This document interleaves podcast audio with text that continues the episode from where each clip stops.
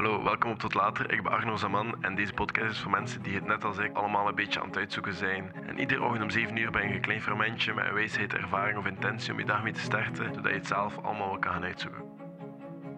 Goedemorgen. Slaap is vrij belangrijk, hè? Ik heb net een boek, allee, een samenvatting van een boek gelezen van Matthew Walkers, Why We Sleep. En ik kan eerlijk zijn, dat boek heeft een beetje bang gemaakt. Ik ben echt... Allee, ik ben een beetje verschoten van het boek. Ik heb wel enkel de samenvatting gelezen en ik ga, jullie direct meedelen wat ik geleerd heb. Maar blijkbaar is het een pandemie van mensen die niet acht uur slapen per dag. En blijkbaar is er maar 1% van heel de bevolking die minder dan acht uur slaap aan kan. Ik dacht altijd dat ik bij die 1% hoorde, maar blijkbaar niet. Want eh, ik had een keer.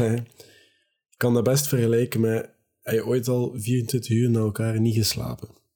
Hoogstwaarschijnlijk wel. Dan ben je vrij mottig, hè?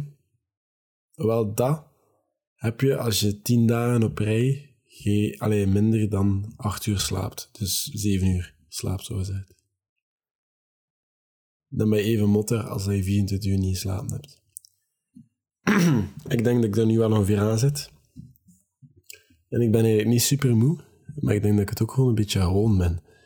Maar wat dat blijkbaar wel doe, is dat twee keer zo slecht voor je immuunsysteem, twee keer zoveel kans op kanker. Um, ja, blijkbaar ook meer kans op Alzheimer. Heel veel dingen. Je krijgt ook blijkbaar veel minder kwaliteit.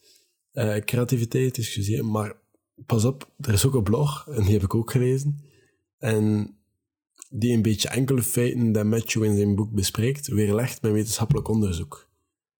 Dus er zijn wel natuurlijk twee kanten van het verhaal. En, maar ik denk wel, ondanks dat niet alles correct is wat hij zegt, denk ik dat toch wel de moeite is om dat boek een keer te lezen. Dus ik ga dat waarschijnlijk wel, als ik een beetje verder ben in de stapel dat ik nu heb, ga ik dat boek waarschijnlijk wel kopen en dan ga ik dat waarschijnlijk nog een keer lezen.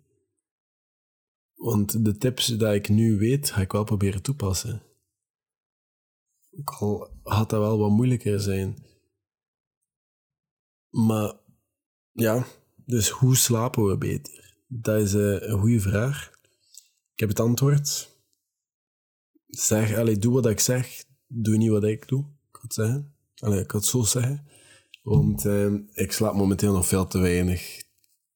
Ga zelfs heel direct zijn. Nu is het 11 uur 25. Ik zou binnen 5 minuten moeten gaan slapen en ik ben net begonnen met de podcast op te nemen. Nu, dat gaat niet zo super lang duren. Maar dat is ook niet het enige dat ik nog moet doen.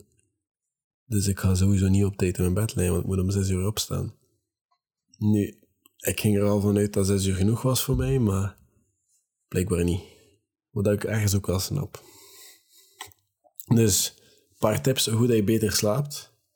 Een vast uur, want dat wist ik wel. En daar ga ik ook goed van uit. Een vast uur om te slapen. Nu is dat 20 uur, allez, 22 uur als me dat lukt. Dus 10 uur als dat lukt, maar het is nog nooit gelukt. En 11 uur 30 ten laatste.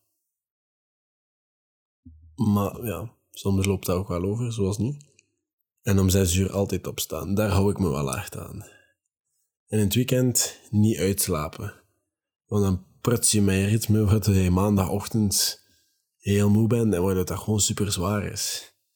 Eigenlijk moet je echt gewoon een ritme vinden dat je ook zaterdag en zondag kan volhouden. En lichten aanzetten, dat moet je eigenlijk gewoon direct doen als je wakker wordt. Voor dat ritme. Dus omdat ja, je lichaam denkt dan dat de zon schijnt en dat het normaal is dat je nu wakker bent. Met deze donkere dagen zet ik gewoon echt al de lichten aan. Allee, vooral die in de keuken en die in de badkamer maken mij wakker, omdat dat zo witte lichten zijn.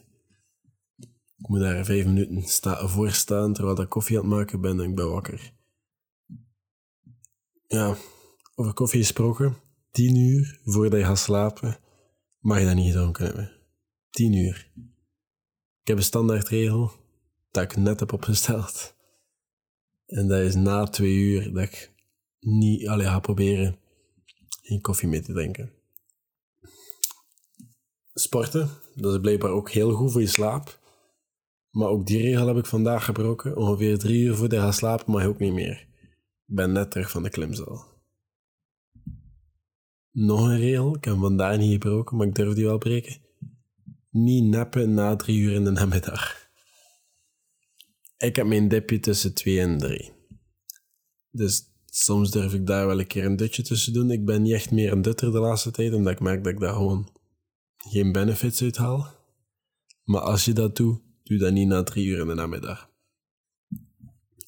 Geen alcohol, dat wist ik ook wel al. Alcohol, ja, je valt daarvan in slaap, hè, als je goed doordoet. Maar alcohol is eigenlijk een van de grootste ja, sedatives dat, dat je remslaap eigenlijk stopt. Dus je slaapt, maar je slaapt eigenlijk niet. Datzelfde met slapen. Slaappillen is ook niet zo goed. Want je slaapt wel, maar je hebt niet dezelfde voordelen dat je zou hebben met een gewone slaap. Dus ja, ik drink geen alcohol nu al voor, denk 38 dagen. En ik vind het wel nice. Ik mis het eigenlijk echt niet. Net zoals dat ik geen vlees mis. Allee, ik ben echt een beetje simpel, denk ik. Maar bon, geen alcohol. Grote maaltijden, nu dat ik over eten aan het spreken was, grote maaltijden voordat het slapen is eigenlijk ook niet zo goed. Ik had het bijna gebroken. Ik had nog goesting in een havermootje, maar ik heb het niet gedaan. Ik heb zelfs geen banaan mee eten. Ja, nu deze regel ben ik wel aan het breken. Geen blauw licht voor je gaan slapen. Ja, ik ben nu naar een computerscherm aan het kijken. Maar er zijn wel apps, ik weet nu niet welke, die daarvoor kunnen zorgen dat hij blauw licht weghaalt, maar, maar dat is ook niet ideaal. En eigenlijk, hij zegt ook dat je in je avondroutine standaard relaxatiemuziek of een of andere vorm van relaxatie moet zetten. Maar bon, dat is wat meer subjectief. Een kamer die zou moeten kouder zijn dan 16 graden, ongeveer. Denk dat dat hier wel het geval Ja, nee, ik weet dat eigenlijk niet. Ik denk dat, ik denk dat ik er wel boven zit. Sowieso is dat die niet zo koud. Maar dat is wel ideaal om dan zo onder je deken te kruipen als het wat kouder is. Maar ja, de laatste tip dat ik heb is uh, vrij simpel. En dat is een dat ik zelf ook altijd toepas. Is dat je niet aan slaap gaat. Als, als dat niet lukt om te slapen, probeer voor 20 minuten. Maar als je langer dan 20 minuten in je bed blijft draaien, moet je iets gaan doen. Ik probeer te slapen voor 20 minuten. Als dat niet lukt, ga ik gaan lezen of zo. Totdat ik in slaap val en dan ga ik slapen. En meestal als ik dan aan slapen, val ik direct in slaap. Maar ik val relatief snel in slaap, dus ik heb dat probleem niet vaak. Tenzij dat ik vroeg wil aanslapen. Dus als het niet lukt na 20 minuten, ga je eerst iets doen totdat je me hoort en ga dan slapen. Want hoe langer dat je probeert te gaan slapen, hoe hogere stresslevels dat je krijgt, hoe moeilijker dat wordt om te slapen. En dan zit je in een visieuze cirkel. Net zoals het eigenlijk ook niet goed is om met de wekker op te staan, omdat de alarm zorgt voor increasing, allee, toenemen van de stresslevels. Wat eigenlijk niet zo gezond is. Dus eigenlijk zou je zonder wekker moeten leren opstaan. En dat kan je door genoeg slaap te pakken en een vaste uur voor te gaan slapen en op te staan. Voor mij ideaal, blijkbaar van 8 uur, dat zou van 10 tot 6 zijn.